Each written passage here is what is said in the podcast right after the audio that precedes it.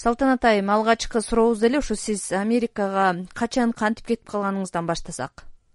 Кыргызстандан биринчи жолу эки миң экинчи жылы кеткем ачык коом институту жана сорос кыргызстан фонду жарыялаган конкурстун жеңүүчүсү катары стипендияга ээ болуп социалдык иштерди өнүктүрүү адистиги боюнча вашингтон университетинин магистратурасына өттүм. Анан америкада вашингтон университетинин алдыңкы изилдөө борборлорунда социалдык өнүктүрүү боюнча иштердин борбору жана марта азаованын социалдык саясатын изилдөө борборунда иштегенде мен мүмкүнчүлүк алгам. Жалаң окуу менен чектелбестен баягы тиги коомдук турмушуна активдүү да катыштым да. Мисалы үчүн эл аралык фестивалдар өткөрүлүүчү анан өзүмдүн өлкөмдү баягы сексенден ашык өлкөнүн өкүлдөрүнүн алдында кыргыздын улуттук кийимдерин кийип ырдап бийлеп жана концерттерин алып баруучусу болдум.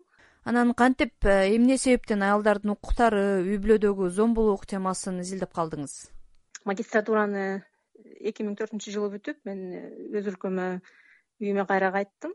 Э, анан алдыга чоң максаттарды койдум баягы америкадан алган билимимди идеяларымды өз жеримде иш жүзүндө ашырсам деген чоң тилек анан үмүттөр болду. Бирок мени жумушка кыргызстан эмес астанага казакстандын жана тажикстандын айыл чарба жана жер укуктарын реформалары боюнча юсаид проектине жетекчисине кызматына чакырышты мен ошол жерден полевой исследование деп коет эмеспи жана талаа изилдөөсүн жүргүздүм. Андан кийин нидерланддын кызыл кресттин э, долбооруна чакырышты координатор координаторлук жумушта.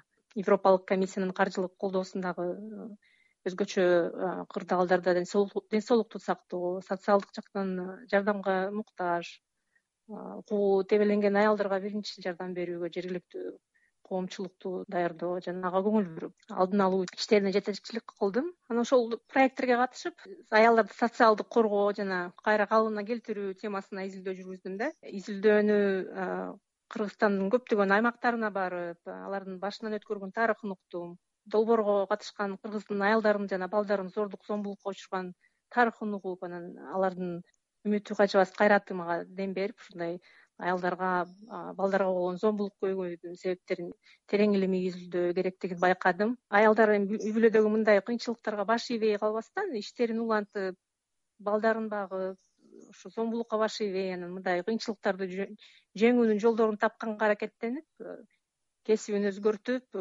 компьютерде жана тигүүчүлүк адистикти алууга окуп үйрөнүп жатышты да. Мындай кесип менен э, үй бүлөсүн багууга жана каржы каражат боюнча көз каранды болбой лидерлик баягы уюштуруучулук билимге э, ээ болуп өз коомунун толук кандуу мүчөсү болууга аракеттенип жаткандыгы менен мага аябай мага дем берди да.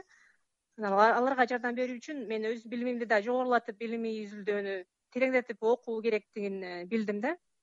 Америкадагы мэриланд университетинин социалдык иштер боюнча докторантурасына конкурсуна өттүм ошентип мен дагы экинчи жолу докторантурага америкага келип окууга туура келди. Азыр кайсы шаарда турасыз? Медисон деген шаарда висконсин штатта жашайм. Бишкекке э, эки миң он экинчи жылы келип э, социалдык иштер адистиги боюнча э, стипендиялык баягы программанын бүтүрүүчүлөрүнүн ассоциациясын негиздеп түзүп анан президенти болуп дагы иштеп жатам азыр дагы азыркы учурда ушу мэриланд университетинин социалдык иштер факультетинин докторантмын. Диссертациям аялдардын жана балдардын социалдык экономикалык проблемаларына байланыштуу. Баягы кыйынчылыкка дуушар болуп жаткандагы мындай кыйынчылыктын келип чыгуу себебин андан чыгуунун жолдорун илимий изилдөөнүн аныктап э, кыргызстанга жардам берүү максатын алдыга койгом. Сиздин э, сурамжылооңуз изилдөөлөрүңүз боюнча кыргызстанда абал кандай экен? Ушул зордук зомбулук темасы боюнча. Алдын алуунун кандай жолдорун сунуштайт элеңиз оондун эсеп кысаптарына таянсак э, бизде ар бир төртүнчү аял жана бала зордук зомбулукка учураган да сурамжылоого катышкан где то бир кырктан ашык э, процентке жакын аялдар үйдөн сырткары иштөөгө же болбосо окууга укугу жок экендиги жөнүндө кабар беришкен да. Азия өнүктүрүү банкынын эсеп кысабына караганда дагы отуз миңден ашык. Кыз келиндер баш калкалоочу жерлерден жана кризистин борборгодон жардам сурашкан да бирок э, расмий эмес маалыматтарга таянсак жардам сураган кыз келиндердин саны алда канча көп зордук зомбулукка кабылган аялдар социалдык санкцияларын жана балдардын келечегин коркунучка калтыруудан коркуп жана ошондой эле жашоосунда башка деле чара жок экендигинен улам көп учурларда унчукпай коюшат экен да.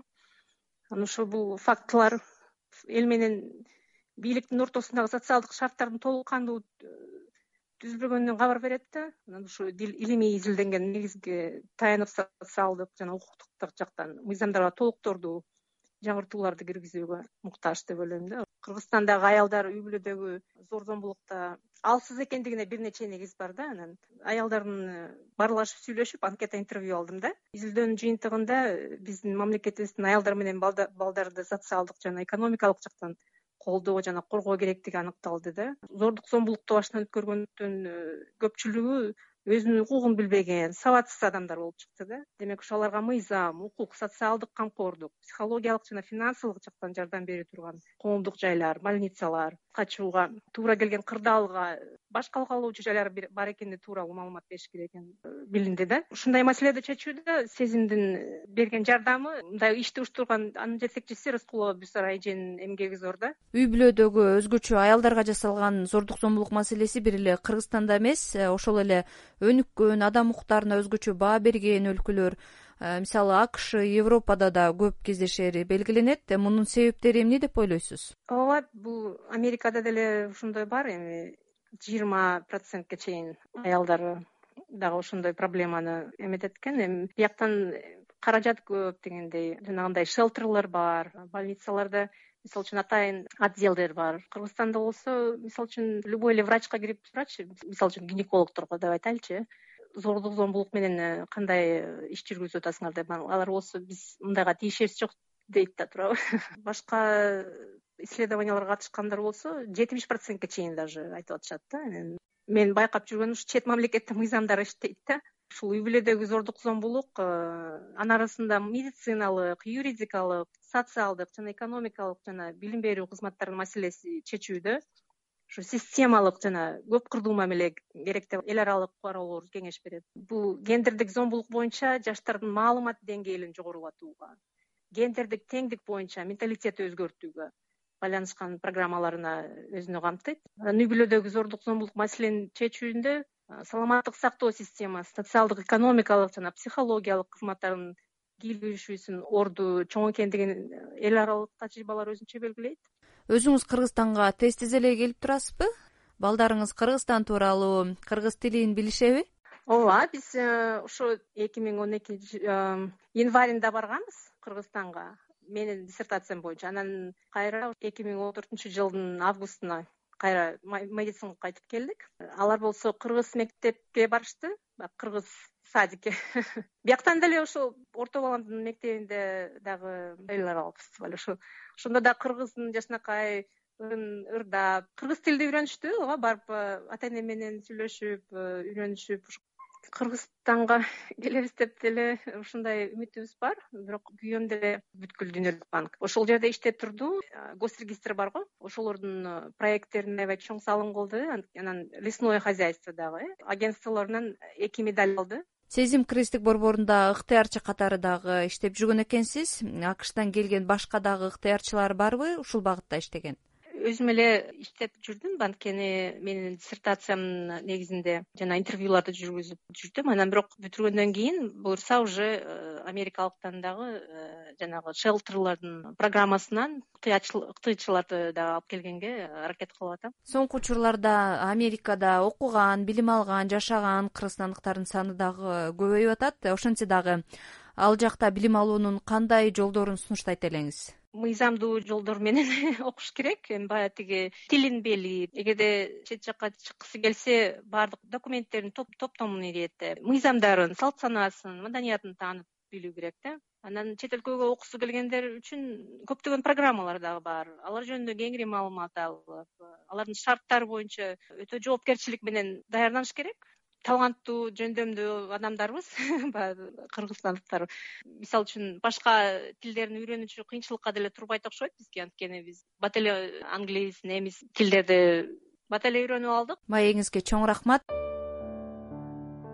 Кыргызстандык аял бүгүн конституциялык укуктары корголгон бийик даражалуу инсан эне ишкер жана саясатчы. Бул биздин коомдун бышып атканы. Ошол эле мезгилде өлкөдө ар бир экинчи аял үй бүлөдө зомбулукка тушушат таяк жейт. Мындай эле кол көтөрүп же бетиме чабып жыл сайын он беш миңдей кыз ала качууга туш болот. Машинага аябай тыгып салышып ошол жере алып качып кетишти да. Социалдык бейкамсыздык аялдарды митинг башына алып чыкты. Чындык жок экенди айланайын кудай деп жакамды кармап турам канымгүл элкееванын аялзат автордук берүүсүнө сиз да үн кошуңуз. Байланыш телефону нөл беш жүз элүү беш жүз эки беш жүз элүү беш